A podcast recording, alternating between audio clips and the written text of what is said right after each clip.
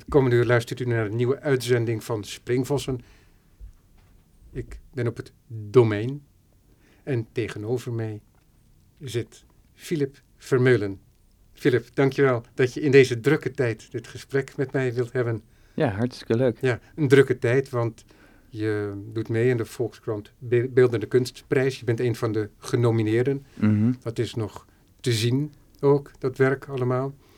En tegelijkertijd is het zo dat Sonic Acts in samenwerking met het Stedelijk Museum de Sonic Acts Academie heeft. En dat is in de derde week van februari van deze maand. Ja, Dus dat is- 21 februari is de opening.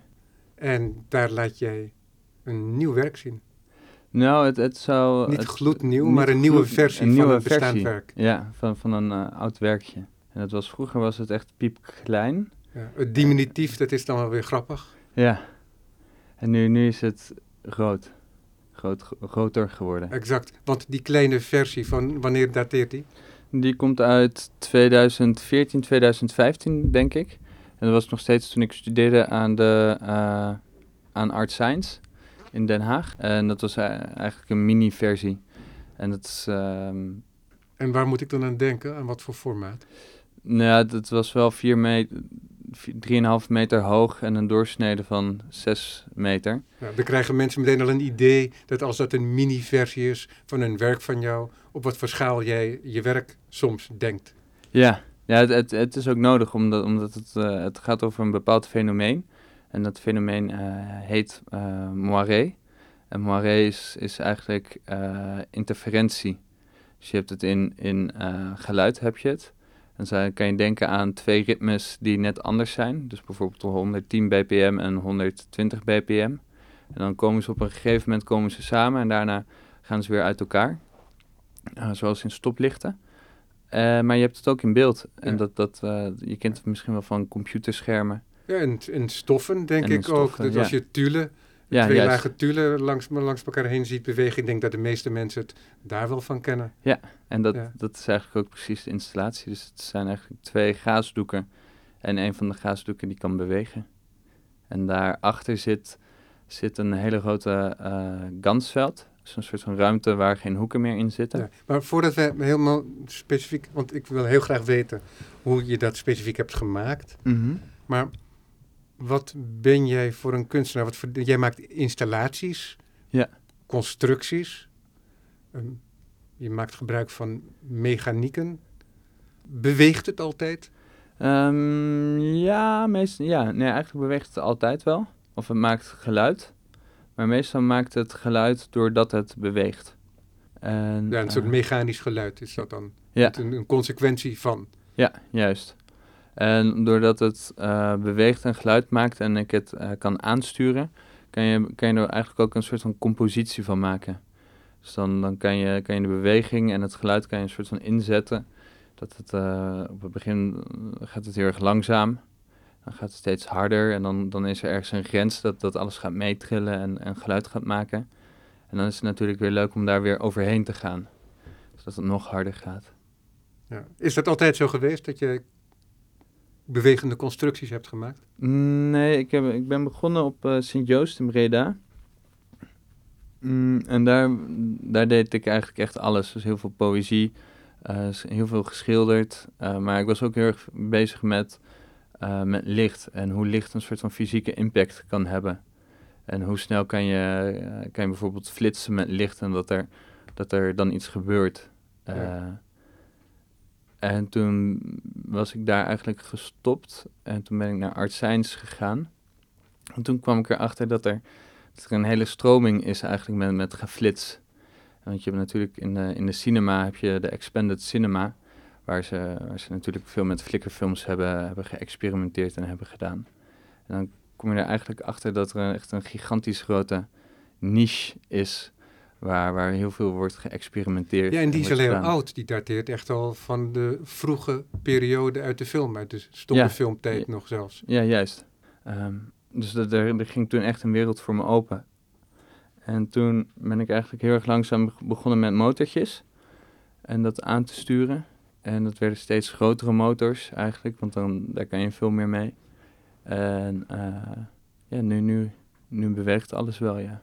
Of het gaat schudden, of het, uh, of het zoekt zichzelf naar, naar een bepaald soort grens. Ja, maar dan is het ook altijd dan zo, of vaak zo, altijd is misschien weer een enorme overdrijving, dat je je begeeft in een werk van jou. Want als het zo groot wordt, dan is het ook niet meer alleen een werk waar je tegenaan kijkt of waar je omheen kunt lopen, maar meer iets waar je je in begeeft. Ja, juist. Um, ik, ik had ook les van Edwin van der Heijden. En dat is uh, een geluidskunstenaar. En die maakte ook echt uh, een soort van installaties. Maar hij zei altijd dat het hele grote instrumenten zijn. Dus je begeeft je eigenlijk in het instrument. Als het ware in de vioolkast. En daar, daar gebeuren natuurlijk de mooiste dingen. Ja, dat kun je afvragen natuurlijk. Want de, de, viool uh, projecteert het geluid ook. En is het geluid in de viool hetzelfde als het geprojecteerde geluid in de ruimte? Dat denk ik niet. Nee, maar je zit natuurlijk wel in een hele mooie omgeving van, van mooi hout. En, en het zit helemaal om je heen. Dat is zeker zo. Ja. Maar dat is dus een, een sculpturaal idee ook. Ja. Hè? Van een mooie gevormde ruimte. Ja. En dat spreekt jou ook aan. Um, ja, het is soms ook nodig om als je, als je een bepaald fenomeen te pakken hebt, om dat zo goed te isoleren mm, en, en dat, dat ene dingetje te kunnen laten zien. En dat je die ruimte daar ook helemaal op moet aanpassen. Dus je bijvoorbeeld met, met licht werkt, um, dan is het fijn dat je de hele ruimte uh, onder controle hebt, zodat, zodat je de, de beste uh, voorwaarden hebt om, om dat ene lichtfenomeen bijvoorbeeld uh, naar boven te kunnen halen. Ja, want je, je zou het vast kunnen leggen en kun je het op een scherm projecteren. Dat scherm kan een telefoon zijn, maar het kan ook een, een filmdoek zijn, maar dat is niet hetzelfde. Jij wilt dat het in de ruimte zich afspeelt in de ruimte, hè, de gebeurtenis, ja. waar ik mij ook in bevind. Ja, juist. Dus het, het is geen representatie van, van, van een fenomeen, maar het, het, het is het, echt het ding aan zich. Waar, waar, je, waar ik je in mee wil nemen. Ja, ik, we gaan niet die afgrond in van deze filosofische term. We gaan gewoon door, het ding aan zich. dus het feit dat jij, dat jouw werken vaak zo groot uitpakken, is een consequentie van wat je wilt bewerken. En het is niet zozeer je doelstelling om een heel groot beeld te maken. Nee, dat, dat, dat, dat komt er eigenlijk altijd bij. Um, maar nu, nu, nu vind ik het eigenlijk ook wel fijn om, om grote dingen te, te bouwen. Ja. Lukt dat altijd in je eentje? Nee, dus ik uh, heb nu best wel wat stagiairs. En um, uh, Toon, die helpt ook mee. We zitten nu in het, uh, in het hutje van Toon. Ja, we zitten hier op een groot terrein waar ik een paar maanden geleden ook was. Want Rob Beersa heeft hier aan de andere kant ook zijn studio. En er zitten hier meerdere kunstenaars. En ja, Toon is een van de mensen die al heel lang uh, op dit terrein zitten. Misschien dat zelfs vorm hebben gegeven. Ja, ja. In uh, Weesp, of net buiten Weesp moet ik zeggen. Ja, en het is, uh, het is heel erg fijn, want, want Toon die weet wel van de hoed en de rand. Dus omdat het, soms, soms moet het echt groot en moet het ook goed worden gebouwd.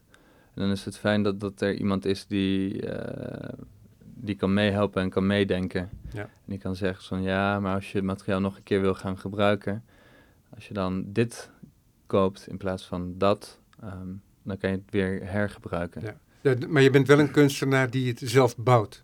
Ja, de meeste uh, wel. Ja, want dat is niet altijd het geval natuurlijk. Je hebt ook kunstenaars die de opdracht geven. En als producent optreden, als het ware. Ja. Als kunstenaar-producent. Maar jij zit er ook met je handen zelf aan. Ik zit er ook met mijn handen zelf aan, ja. En, en ook met plezier als ik ja, al jouw dat, opglinsterende ogen, opflikkerende ogen En dat is natuurlijk het, het, leukste, om, uh, om er zelf mee te kunnen spelen. En, en dat je het zelf voelt en dat je, uh, dat je het zelf in elkaar tikt. En dan is het nu wel zo dat soms dan uh, wordt het wel echt herbouwd. Omdat ik het zelf in elkaar heb gezet en dan... Ja, echt een hele goede technische bouwer ben ik ook weer niet. Dus dan, dan moet het soms worden herbouwd. Maar als jij het maakt voor jezelf, dan ben je gewoon tevreden als het, het, werk, als het werkt. Ja, juist. Eh, en of het over vijf jaar werkt, is dan niet van belang op dat moment. Nee, want, want het gaat, want je, je zit dan natuurlijk in, in een soort van spel en in een soort van high van het maken. En dan, dan, dan, dan wil je het zo snel mogelijk in elkaar zetten. En dan is het echt een soort van fysiek schetsje. Ja. En dan, eh, en dan is de tweede schets en de derde en de vierde schets, die, die bouw ik zelf ook nog wel. Ja. En, maar dan, soms dan moeten er ook wel mensen bij komen om het echt goed te, te maken.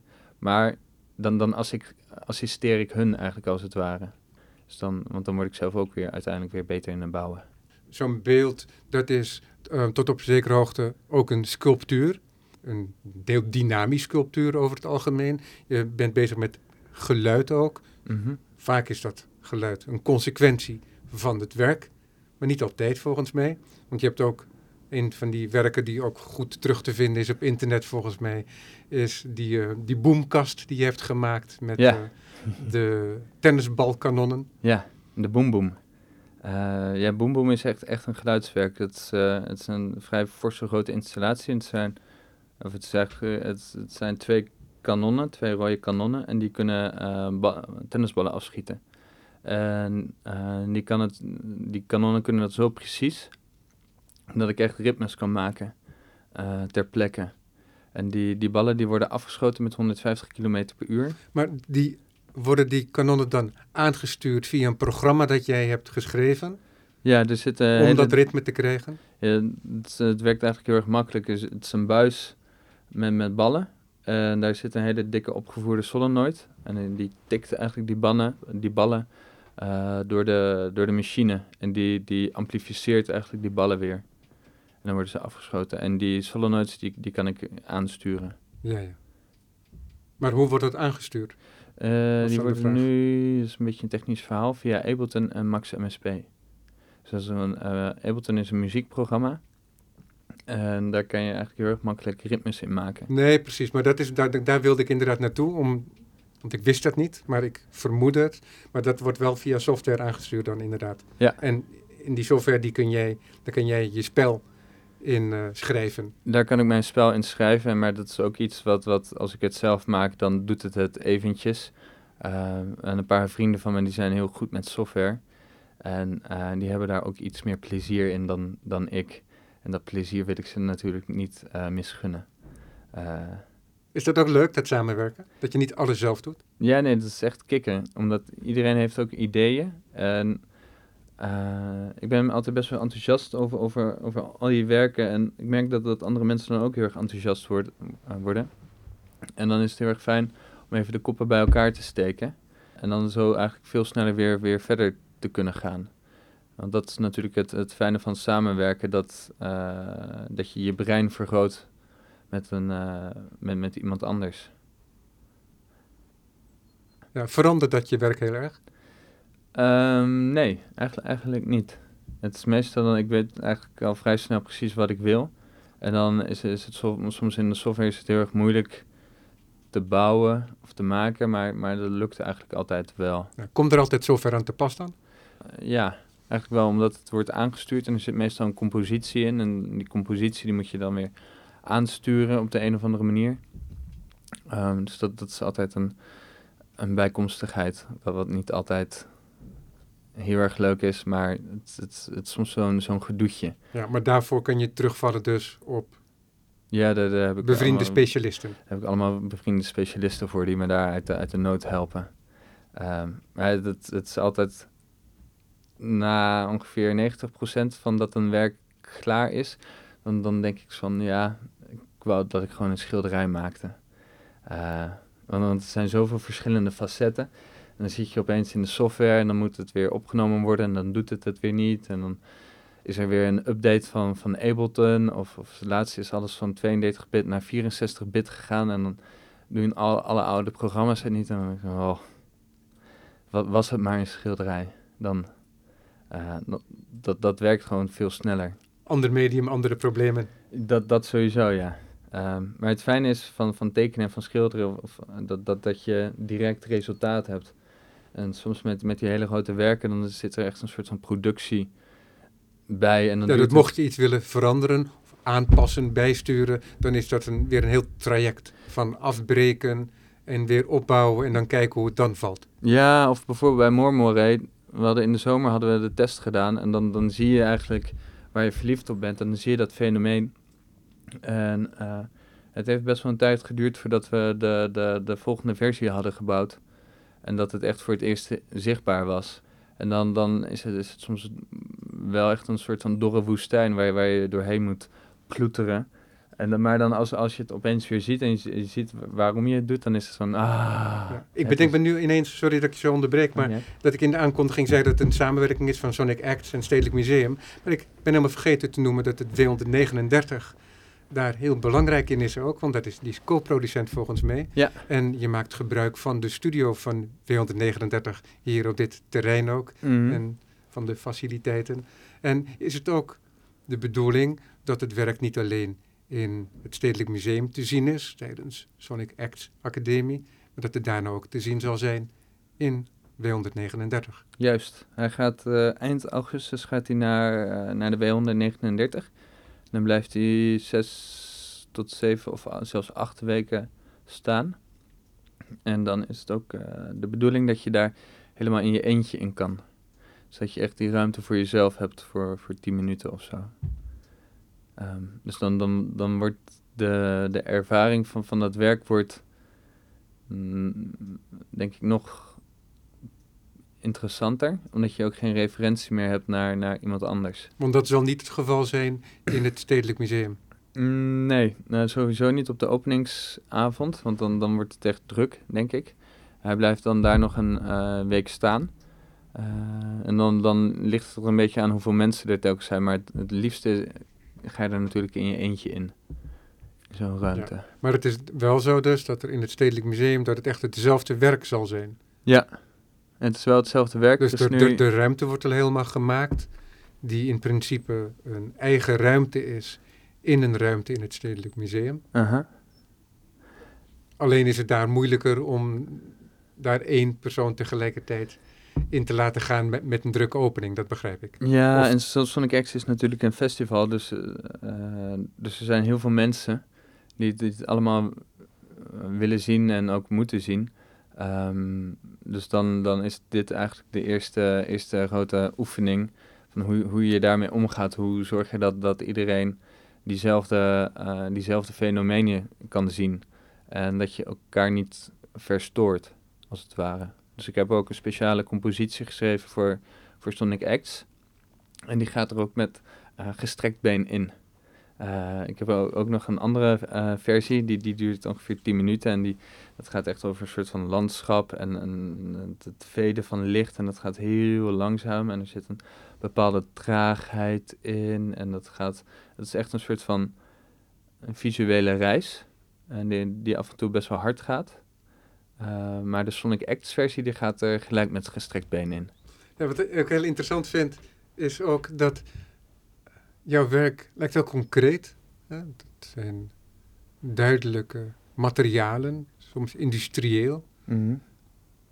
En je maakt gebruik inderdaad van de fysieke mogelijkheden van materialen om visuele eh, effecten eh, te gebruiken. En soms ook gewoon om ze eenvoudigweg te tonen, maar om ze zo te tonen dat ze nog steeds verrassend zijn, ook al kennen we ze.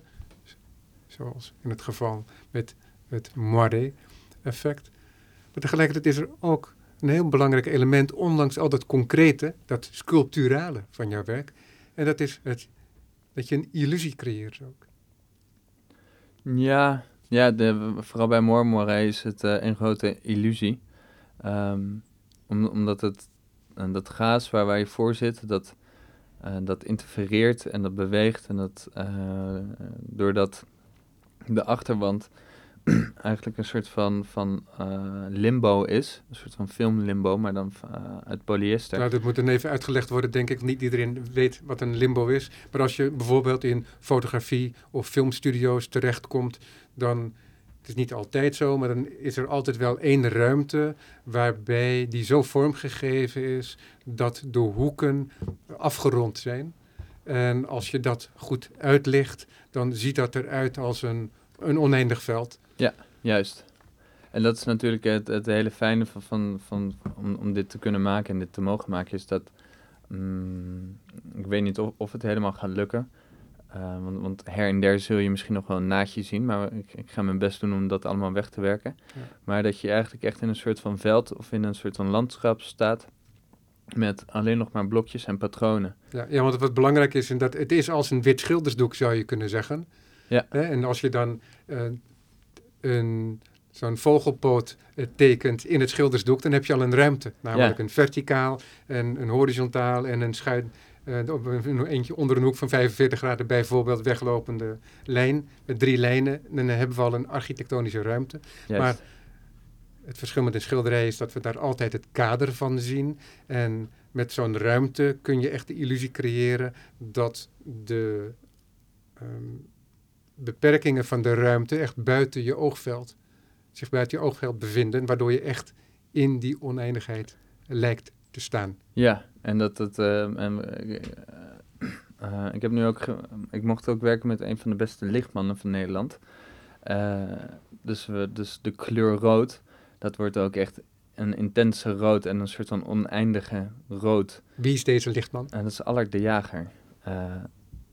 En dus we hebben afgelopen anderhalve week eigenlijk non-stop in die installatie gestaan om het allemaal te, te componeren en te programmeren. Hoe test je zoiets? Dus zo'n grote installatie, over wat voor dimensies hebben we het? Eh, ik denk dat die 12 meter lang is, 9 meter breed en 5 meter 30 hoog. Voilà. En je hebt een testinstallatie gemaakt hier op het terrein. Ja. Van de zomer al. Ja. Dus afgelopen zomer. Ehm, dat is niet de versie die te zien zal zijn in het Stedelijk Museum en later in W139. Dus is de versie die nu opgebouwd gaat worden. Heb je die al eens in werking gezien? Ja, die heb ik afgelopen anderhalve week, eh, wa- was die helemaal af. Eh, er moeten nog wel her en der wat puntjes op de i worden gezet. Maar al het licht zat erin, eh moiré zat erin, de beweging zat erin. En dan is het eigenlijk voor, voor de eerste keer dat je in zo'n ruimte staat. En dan is het de eerste dagen is het alleen maar testen wat, wat, wat, en spelen van wat, wat kan het doen. Eh, waar, waar gaat het precies over? Hoe, hoe kan je nuanceren? Wat, wat is het maximale, wat is het minimale? En omdat er een shitload aan licht in zit. ehm, en elke lamp eigenlijk zo zijn eigen karakter heeft. ehm, moet je eigenlijk ook die karakters van die lampen leren kennen. Want dat, dat is eigenlijk een, die lamp kun je zien als een soort van eh, verfsoort of een verfmerk. En sommige verven die mengen niet, sommige eh, ja. mengen wel. Ja, het is je palet. Ja, juist. En, ehm, eh, en omdat, omdat, omdat ik natuurlijk de raarste dingen wil doen, dus of, of supersnel kunnen flikkeren dat je het niet, niet ziet, of zo laag wegdimmen dat je eigenlijk geen licht meer ziet, maar als je dan net één puntje omhoog gaat, dan weer wel. Maar ja, die puntjes, als, als, als, als, je, als je omhoog ziet, die, die wil ik ook niet zien. Ehm, dus het moet allemaal, want alles is nu tegenwoordig LED. En dat, dat is digitaal, dus dat gaat stapje voor stapje voor stapje voor stapje gaat het allemaal omhoog. En vroeger had je van die hele mooie lampen en die, daar zag je eigenlijk die fade van, van Ja, dat- aan naar ja, uit. Dat, dat was echt een glijdende schaal. Ja, en nu, nu is dat natuurlijk allemaal trappetjes. Eh, en die wil ik natuurlijk niet. Ehm, dus dat, dat is dan ook heel erg uittesten met, eh, wat die lamp kan, te ja of te nee. En, hoe, en daar komt Allard dan. Hoe kun je het weer zo anders doen dat, je het, dat het wordt gemaskeerd? Ehm, zodat het eigenlijk de hele tijd door blijft gaan. Dus, dus eh, de, de, laatste en de, de lange compositie, die, dat is ongeveer één grote fade van, van het een naar het ander. En eh, je ziet nog af en toe wel een kleine flikkering. Ehm, maar ja, dat, dat is dan oké. Het kan even niet anders. De technologie is nog niet daar waar ik zou willen dat het zou zijn. Waar begon het werk? Mm, het begon eigenlijk met de fascinatie dat je, als je bijvoorbeeld op de, in de auto zit en je bent aan het rijden over de snelweg en je ziet opeens een brug. En dan bovenop die brug heb je meestal van, van, die, mm, van die tralies of van dat gaas. Dan opeens dan, dan zie je een soort van andere wereld voor je met, met, met moiré. En dan, eh, hoe dichter je bij die brug komt, hoe, hoe sneller het gaat bewegen. Ehm, en dan, dan is het opeens weer weg, omdat je bent doorgereden natuurlijk. En toen heb ik op school heb ik al heel veel testjes gedaan met, met hoe komt het dat, dat waar, eh, waar je staat invloed heeft van wat je ziet van, van, van die blokjes en die, en die moiré. En hoe kan je, wat, wat is de ideale afstand van, van de twee doeken? En hoe komt het dat als het ene doek naar voren schuift naar het andere doek, dat die blokjes groter worden? En dat het uiteindelijk een soort van een soort van visuele modder begint te worden, als het ware. En hoe, wat is de ideale afstand dat als we helemaal uitgerekt zijn, dat je in een soort van heel rustgevend patronenlandschap uh, bent. En wat doet het met licht en beweging? Um, dus dat, dat zijn eigenlijk telkens een soort van testjes en dan ben ik er even door gefascineerd en dan bouw ik iets en dan soms komt er iets uit en soms ook niet en dan blijft het een tijdje hangen. En dan na een tijdje is er, opeens een kans om het, om het echt te gaan maken. En dan is er uh, ook een beetje geld. Uh, maar hoe gaat dat? Schrijf je dat op in een notitieboekje? Ja. Of blijft het gewoon hangen in je geheugen? Nou, ik, ik, ik heb een uh, groot scala van boekjes, want die raak ik ook allemaal kwijt. Um, en daar, daar schrijf ik alles in en dan na een tijdje dan, dan vind ik het terug. En ook in mijn, in mijn telefoon staan dan natuurlijk alle testjes.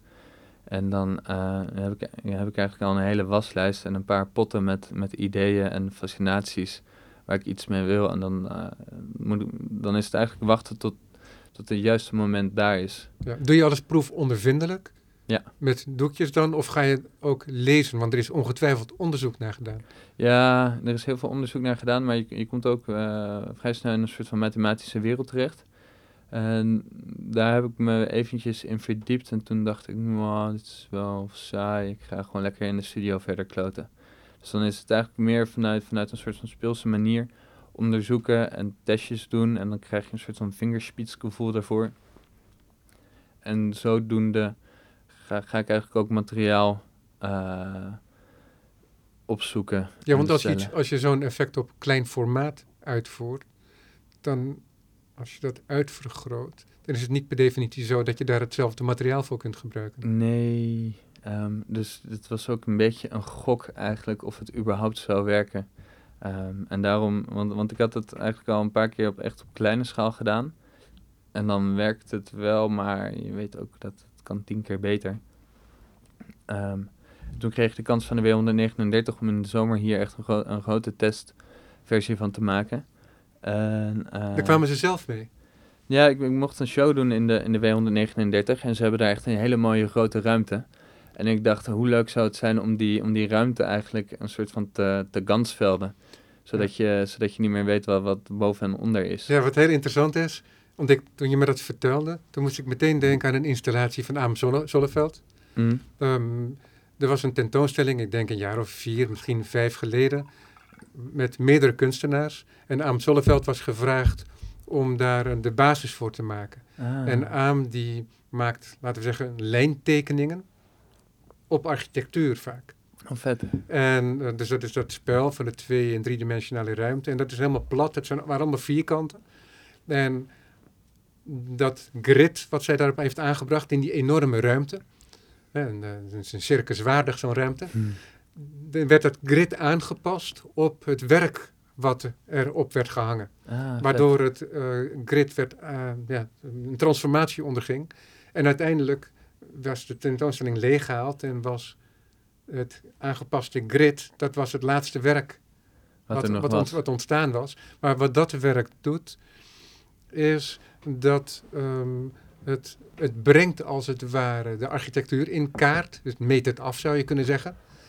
Maar tegelijkertijd is het ook zo dat het lijkt alsof jij je in de virtuele ruimte be ah, begeeft. Ah, ja, ja. Dus het concretiseert enerzijds. En anderzijds wordt toch de illusie gecreëerd op een hele eenvoudige manier dat je je ja, in een platte ruimte begeeft. Ja. Dat is heel vreemd. Maar goed, en jij doet iets anders. Jij breekt juist eh, die architectuur, uh, die, die limieten van die architectuur af. Zodat je in die patronen terechtkomt en in, in, dat, in die digitale wereld. Ja, en, maar wat ook weer een grid is natuurlijk, ja. dat, uh, dat gaas. Ja, juist. Um, en het, het was, uh, even kijken, ja, het was heel erg fijn dat, uh, dat, dat ik in de zomer die test mocht doen.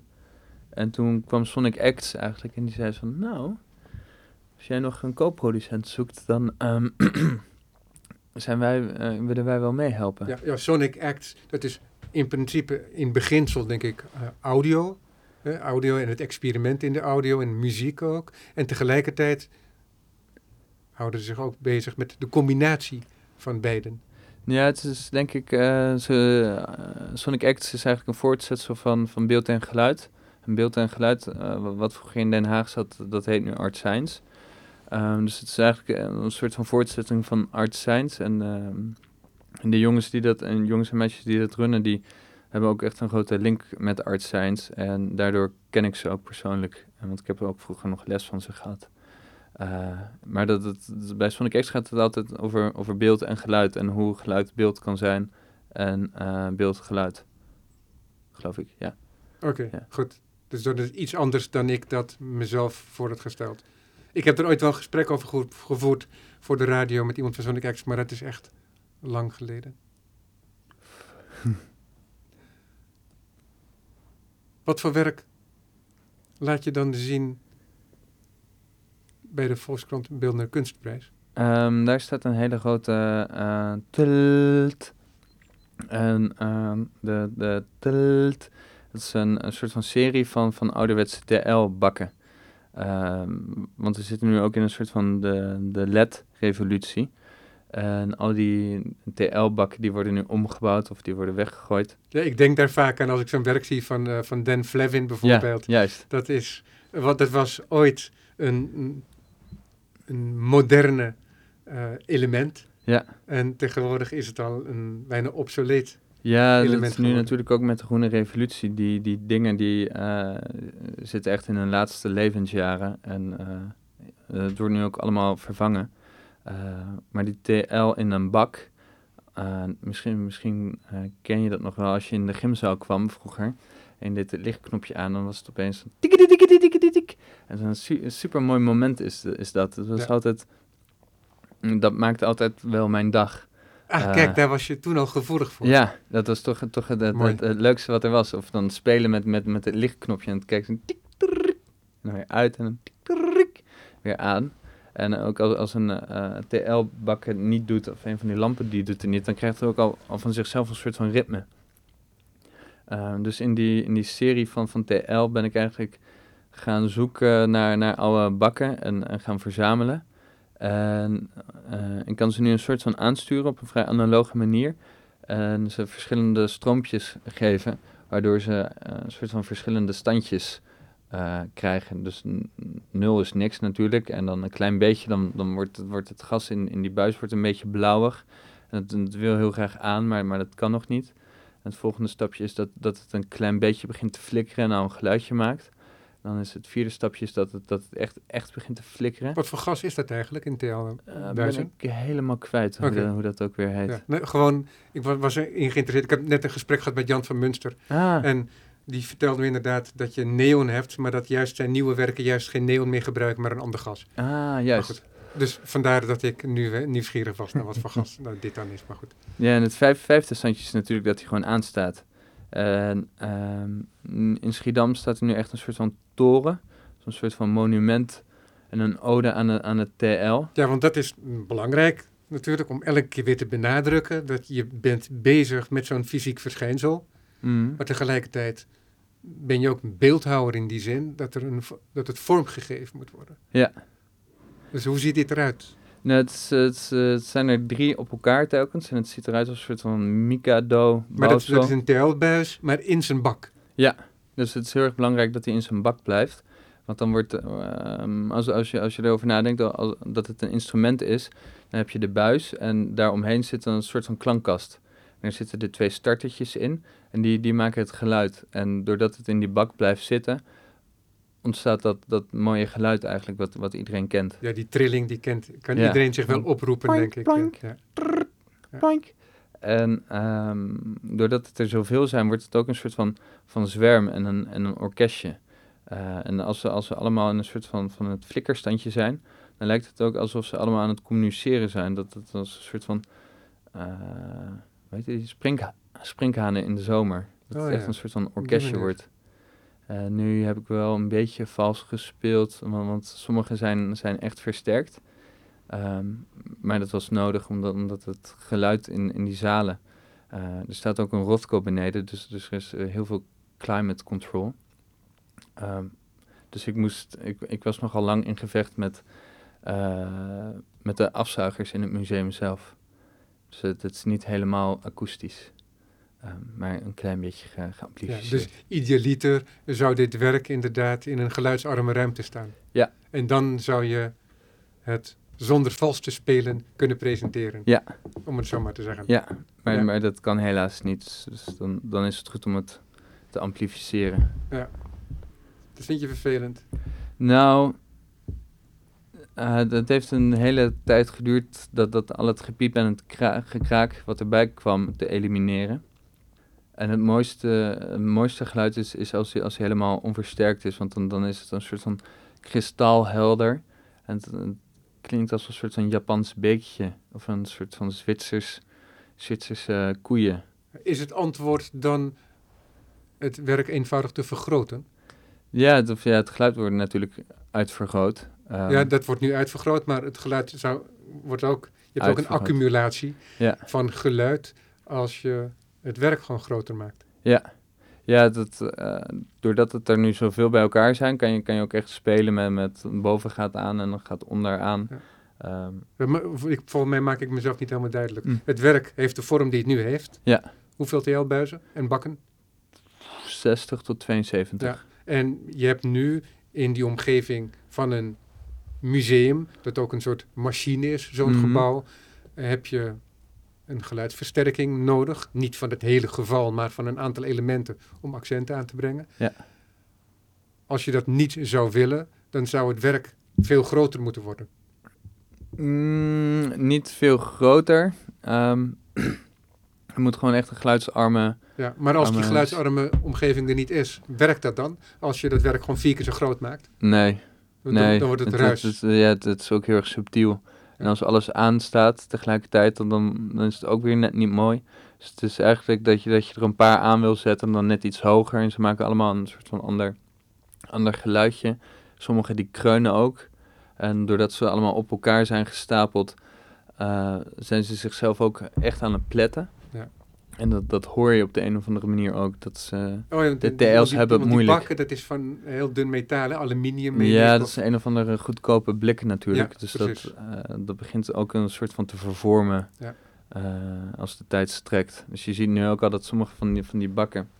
Er zit een hele, hele mooie schuine, schuine tekening als het ware in. En dan zie je eigenlijk alleen nog maar zo'n zo'n eh, zo'n TL eh, licht aan zich. En dan die bak die begint helemaal weg te, weg te gaan. Hoe vind je dat? Ja, ik vind ja, het, is, eh, het is een soort van heel mooi cadeautje. Ehm, ik, ik had het nog niet bedacht, eh, maar de eerste keren dat we het echt op elkaar aan het zetten waren, begon het zo langzaam weg te deuken. En dan, dan zie je opeens dat ma- materiaal iets wil. En dat, dat is natuurlijk heel erg fijn en dan, dan kan je daarin meegaan. Ehm, want het, als het materiaal iets wil, dan, dan moet je er meestal in meegaan en niet andersom. Mooi. Ik sprak een keer met een botenbouwer. Iemand die dus met zijn knuisten houten boten bouwde. Dat heeft hij zijn hele leven gedaan. De man is inmiddels eh, Hm. achter in de tachtig en met pensioen. Maar de laatste boot die hij bouwde, het was ontworpen door iemand anders. En de dag dat de boot werd opgeleverd, kwam de ontwerper erachter dat zijn boot, weet ik veel, 30 centimeter langer was.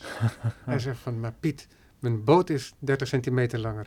Ja, het hout wilde anders. ja, precies. Het, het is ook geen Ikea. In Maar dat is interessant, omdat je dan twee werelden bij elkaar krijgt. Die van de ambachtsman, Ja, die met het materiaal bezig is, en die van de ontwerper, die tot de millimeter nauwkeurig zijn ontwerpen beheerst, als het ware. En jij bent alle twee in één. Dus ja dat ligt er. eh, Sommige materialen moet- moeten echt op de millimeter nauwkeurig. Omdat het anders niet past. En, en zit er een foutje in en dan, dan, dan, dan is het kut. Maar dat, dat zijn meestal de materialen die, die ter ondersteuning zijn. Zo, zo was er ooit, of was er in november, stond er een eh TELT-versie eh, bij Parklicht. En daar zaten ze in, in een hele mooie houten, houten kromming of zo. En ja, dat, dat, die, die krommingen en zo, dat is wel helemaal eh, technisch uitgetekend. En dat klopte ongeveer op de millimeter. Dus dat zat nog wel wat speling her en der. Maar dan, dan is het heel erg belangrijk dat, dat is een soort van het materiaal dat, dat, dat, dat het fenomeen en het materiaal van, van het fenomeen ehm, omhoog houdt. Maakt dat sens? Mhm. Dus dat, dat is eigenlijk een soort van secundair ma- materiaal. Je bedenkt zo'n werk, je gaat hem in het grote uitvoeren, je gaat testen. Gebeurt het vaak dan dat je van dat soort ongelukjes hebt, die, waar- Ja. waarover waarvan je moet afwegen of je ze kunt accepteren of niet, of dat ze inderdaad juist mooi zijn en herken je direct dat het een cadeau is, zoals je het zojuist formuleerde. Ehm, ja, zoals ik al zei, eh, een hele goede technische bouwer ben ik niet. En ik ben ook redelijk slordig aangelegd.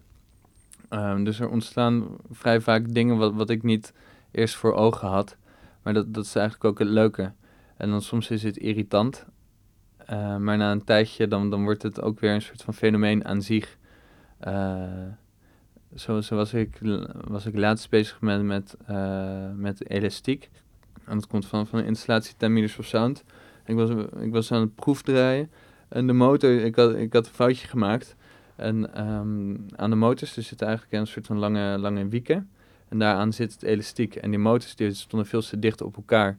Waardoor het elastiek elkaar ging raken. En dat, dat was helemaal nooit eerder voorgekomen. En het, was eerst echt super scary.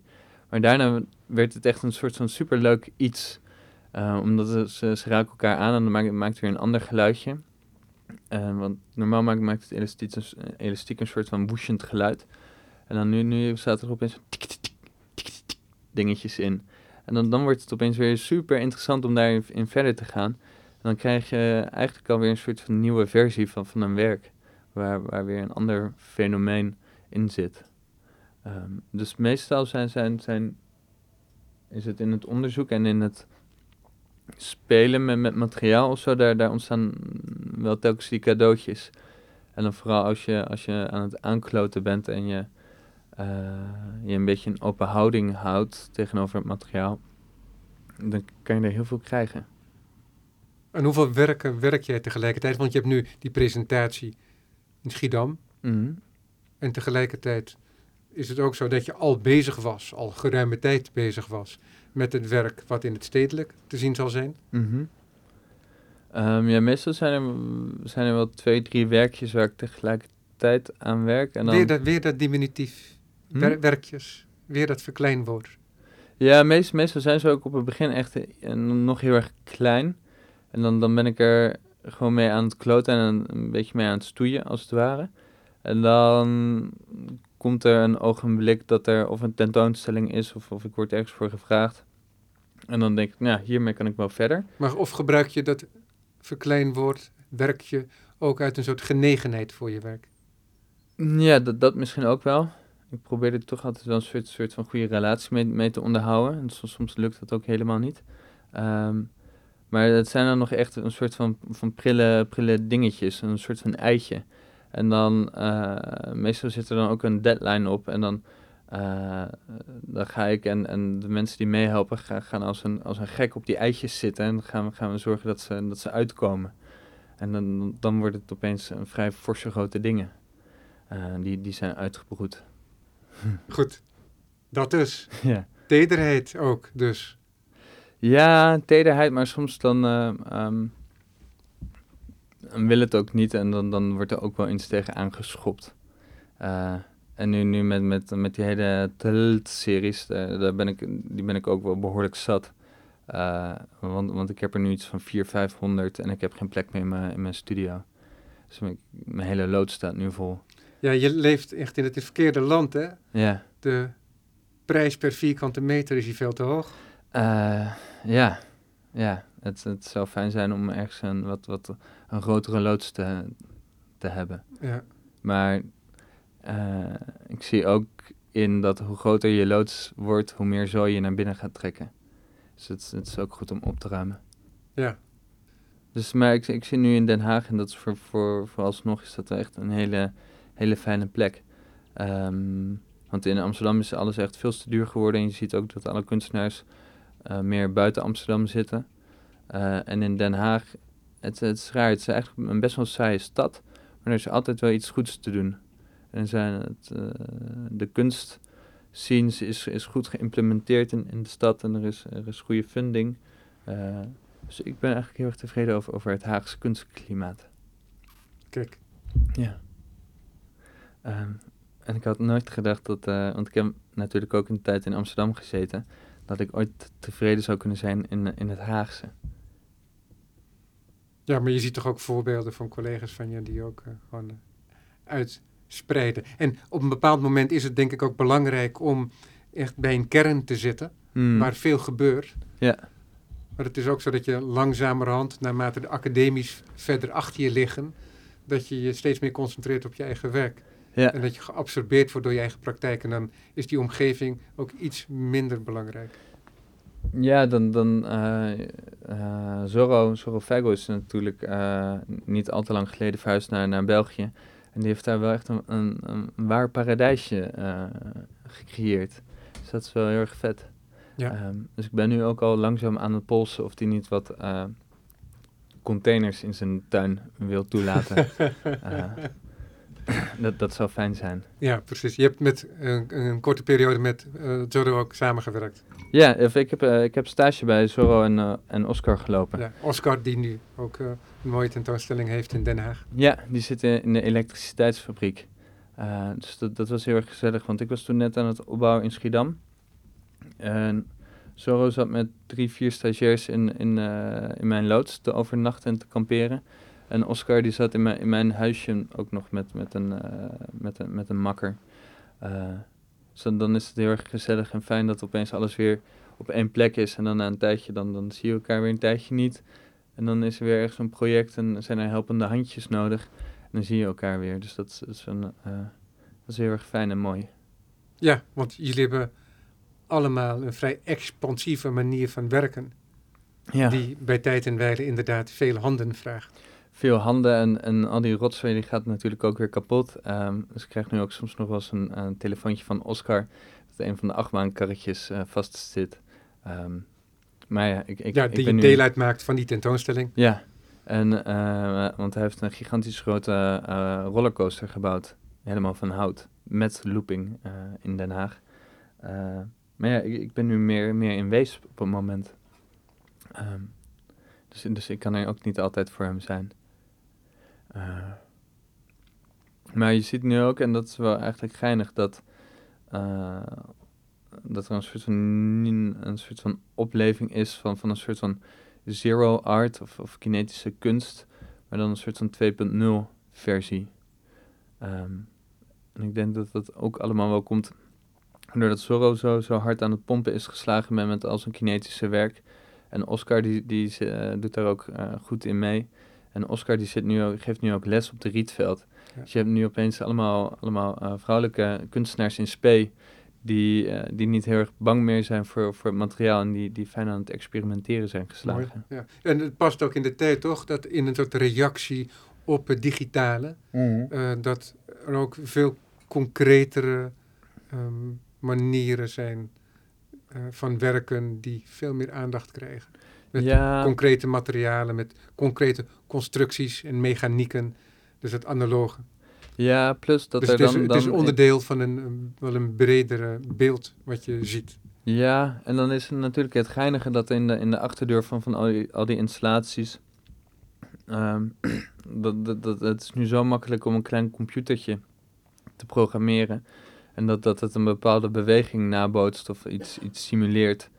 Um, dus dat, dat, dat hele maakproces van, van audio en van beweging en, en, en een soort van compositie maken. Ja, choreografie. En choreografie, uh, dat, dat, dat is tien keer makkelijker dan, dan zeg uh, zes jaar geleden. Dus daar, daar zit ook een soort van technologische vernieuwing in, dat, dat het steeds makkelijker wordt om te, om te doen. Maar ja, dus dat is, dat is eigenlijk dan weer de tegenstrijdigheid van dat het wel analoog is, maar tegelijkertijd wordt het wel weer digitaal aangedreven. Ja, dat is niet altijd zo. Dat Nee. is bij Zorro ook niet altijd zo. Maar dat hoeft geen hindernis te zijn, toch? Vind jij het belangrijk dat het, laten we zeggen, puur blijft? Mm, nee, ja, ligt er heel erg aan waar, waar je mee bezig bent natuurlijk. Ehm, bijvoorbeeld bij Mormoire, dat, eh, dat, dat is wel allemaal materiaal, maar dat ziet er verdomd digitaal uit. Je, st- je staat op een gegeven moment wel echt in een soort van digitaal landschap. In een soort virtueel landschap. Ja, en dat... dat ehm, maar daar speel je dan mee. Ja, en dat, dat, dat kan ik natuurlijk helemaal manipuleren en, en mee, mee spelen. Ehm, maar dat, dat, dat, dat wordt dan wel weer heel erg digitaal, terwijl het allemaal eigenlijk analoog is. Nee, maar anderzijds, anderzijds is het ook zo dat er, laten we zeggen, digitale kunstenaars, ik weet niet of ze zich zo noemen, uh, dat je digitale kunstenaars hebt die fysieke installaties maken. Ja. Hè, of die het digitale fysiek representeren. Je hebt uh, nu Robert-Jan Leegte in um, een tentoonstelling uh, bij Upstream Gallery. En die toont de rekencapaciteit van een iPhone en van, een, Ah. van een oude computer en van een oude Atari. Ah, en dan vet. zie je wat in, laten we zeggen, in een seconde of in een minuut tijd, wat voor berekeningen er plaatsvinden. Ja, juist. En ja, op een iPhone dan heb je, heeft hij dus ehm, vier enorme eh, doeken nodig. en tegelijkertijd die Atari, dat is Ja, echt... Dat is, dat, is, dat, is, dingetje. dat is een, dat is een chip, de grootte van een chip, bij wijze van spreken. Ja, dat is, dat is gewoon een, een bitje. En wat je dan ziet, geprint, dat zijn eh, de cijfers. Cijfers zijn dat. Ah, vet. Maar goed, dat, dus op die manier bestaat het aan de andere, zij, andere zijde ook. Dat Ja. de digitale kunstenaars ook, laten we zeggen, proberen concreet dingen te presenteren of representeren, te Ja. laten zien. Ja. Datgene te laten zien wat we normaal gesproken niet kunnen zien. Hè, dat, je zou kunnen zeggen dat is een bepaalde definitie van kunst. Hè, Dat je Mm. dingen laat zien die je niet zomaar ziet. Die verborgen gaan. Ja, het, het is natuurlijk, eh, als je computer gebruikt, zit, zit het meestal in de black box, waar, waar je dan weer geen toegang in hebt. Ehm, en dat, dat is natuurlijk ook fijn om dat helemaal open te gooien, dat je dat ook ziet. Ja. Eigenlijk dat je, dat je ziet waar, waar het uitkomt. Eh, ook om een soort van transparantie erin te houden.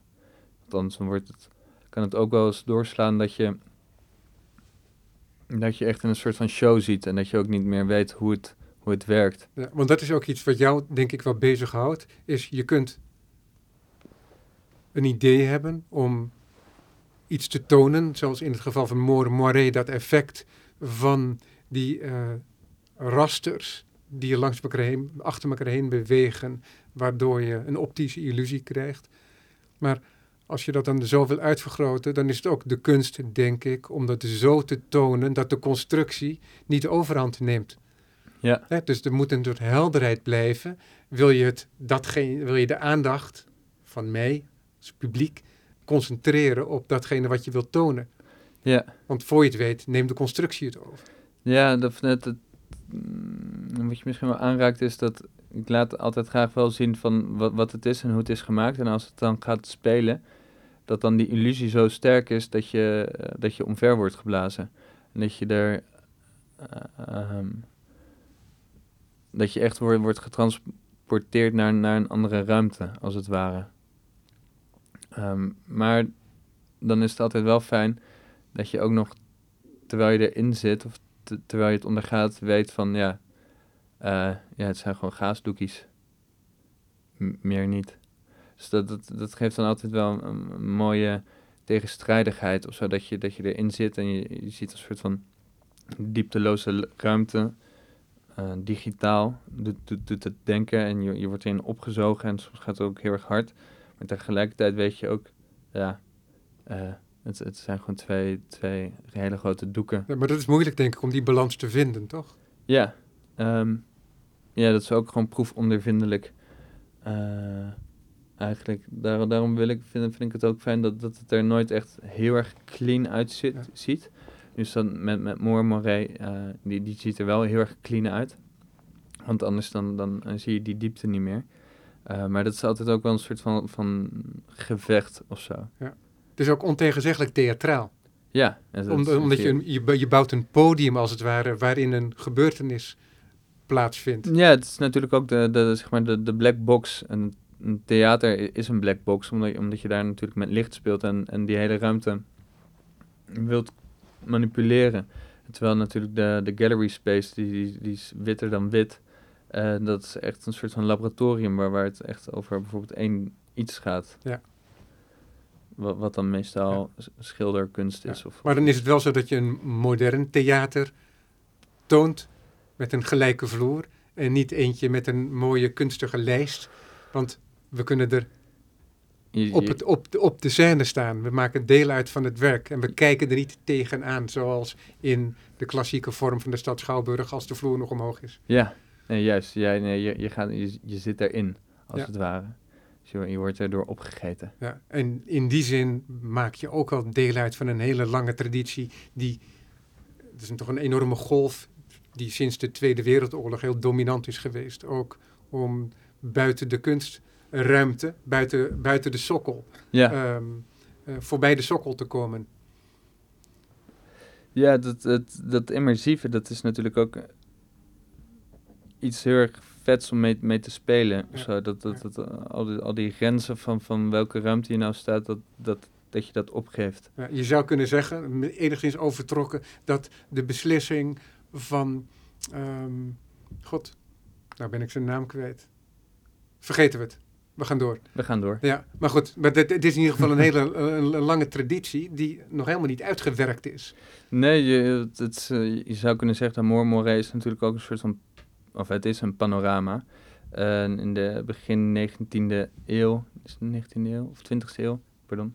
ehm, in het begin van, van, van, van film eh, werd er al heel snel geëxperimenteerd ook met, met 360 graden. Of, Ja, of had- helemaal om je heen, Ja, dat, precies. dat je beeld hebt. En je hebt Ja. natuurlijk Panorama Mesdag, wat ook dit 19e jaar... eeuw is dat nog, toch? Ja. Dat je overal van dat soort ruimtes ontstonden, die, eh, die panoramische ruimtes. Ja, juist. En je had natuurlijk ook toen, toen de kermis nog echt super vet was, een soort van, van, van eh, eh, echte ruimtes die, die daardoor, daardoor werden gebouwd dat, dat je in, zo- in zo'n panorama kan zien en kan zitten en dat je daaraan aan overlevert. Ehm, en je hebt natuurlijk ook virtual reality, wat, wat eigenlijk ook altijd een soort van panorama Ja, is. en dan is er van alles wat, Ja. we, wat we niet meer weten. Ja. Want ingenieurs zoals Da Vinci, die maakten ook allerlei constructies eh, die, eh, die eh, ook dat soort dingen deden. Ja. Ja, goed. Dit gesprek zetten we nog wel een keertje voor, denk ik. Maar ehm, sterkte met het opbouwen. Ja, dankjewel. En ik ben heel nieuwsgierig. Eh, kom vooral langs. Dankjewel, Philip Vermeulen.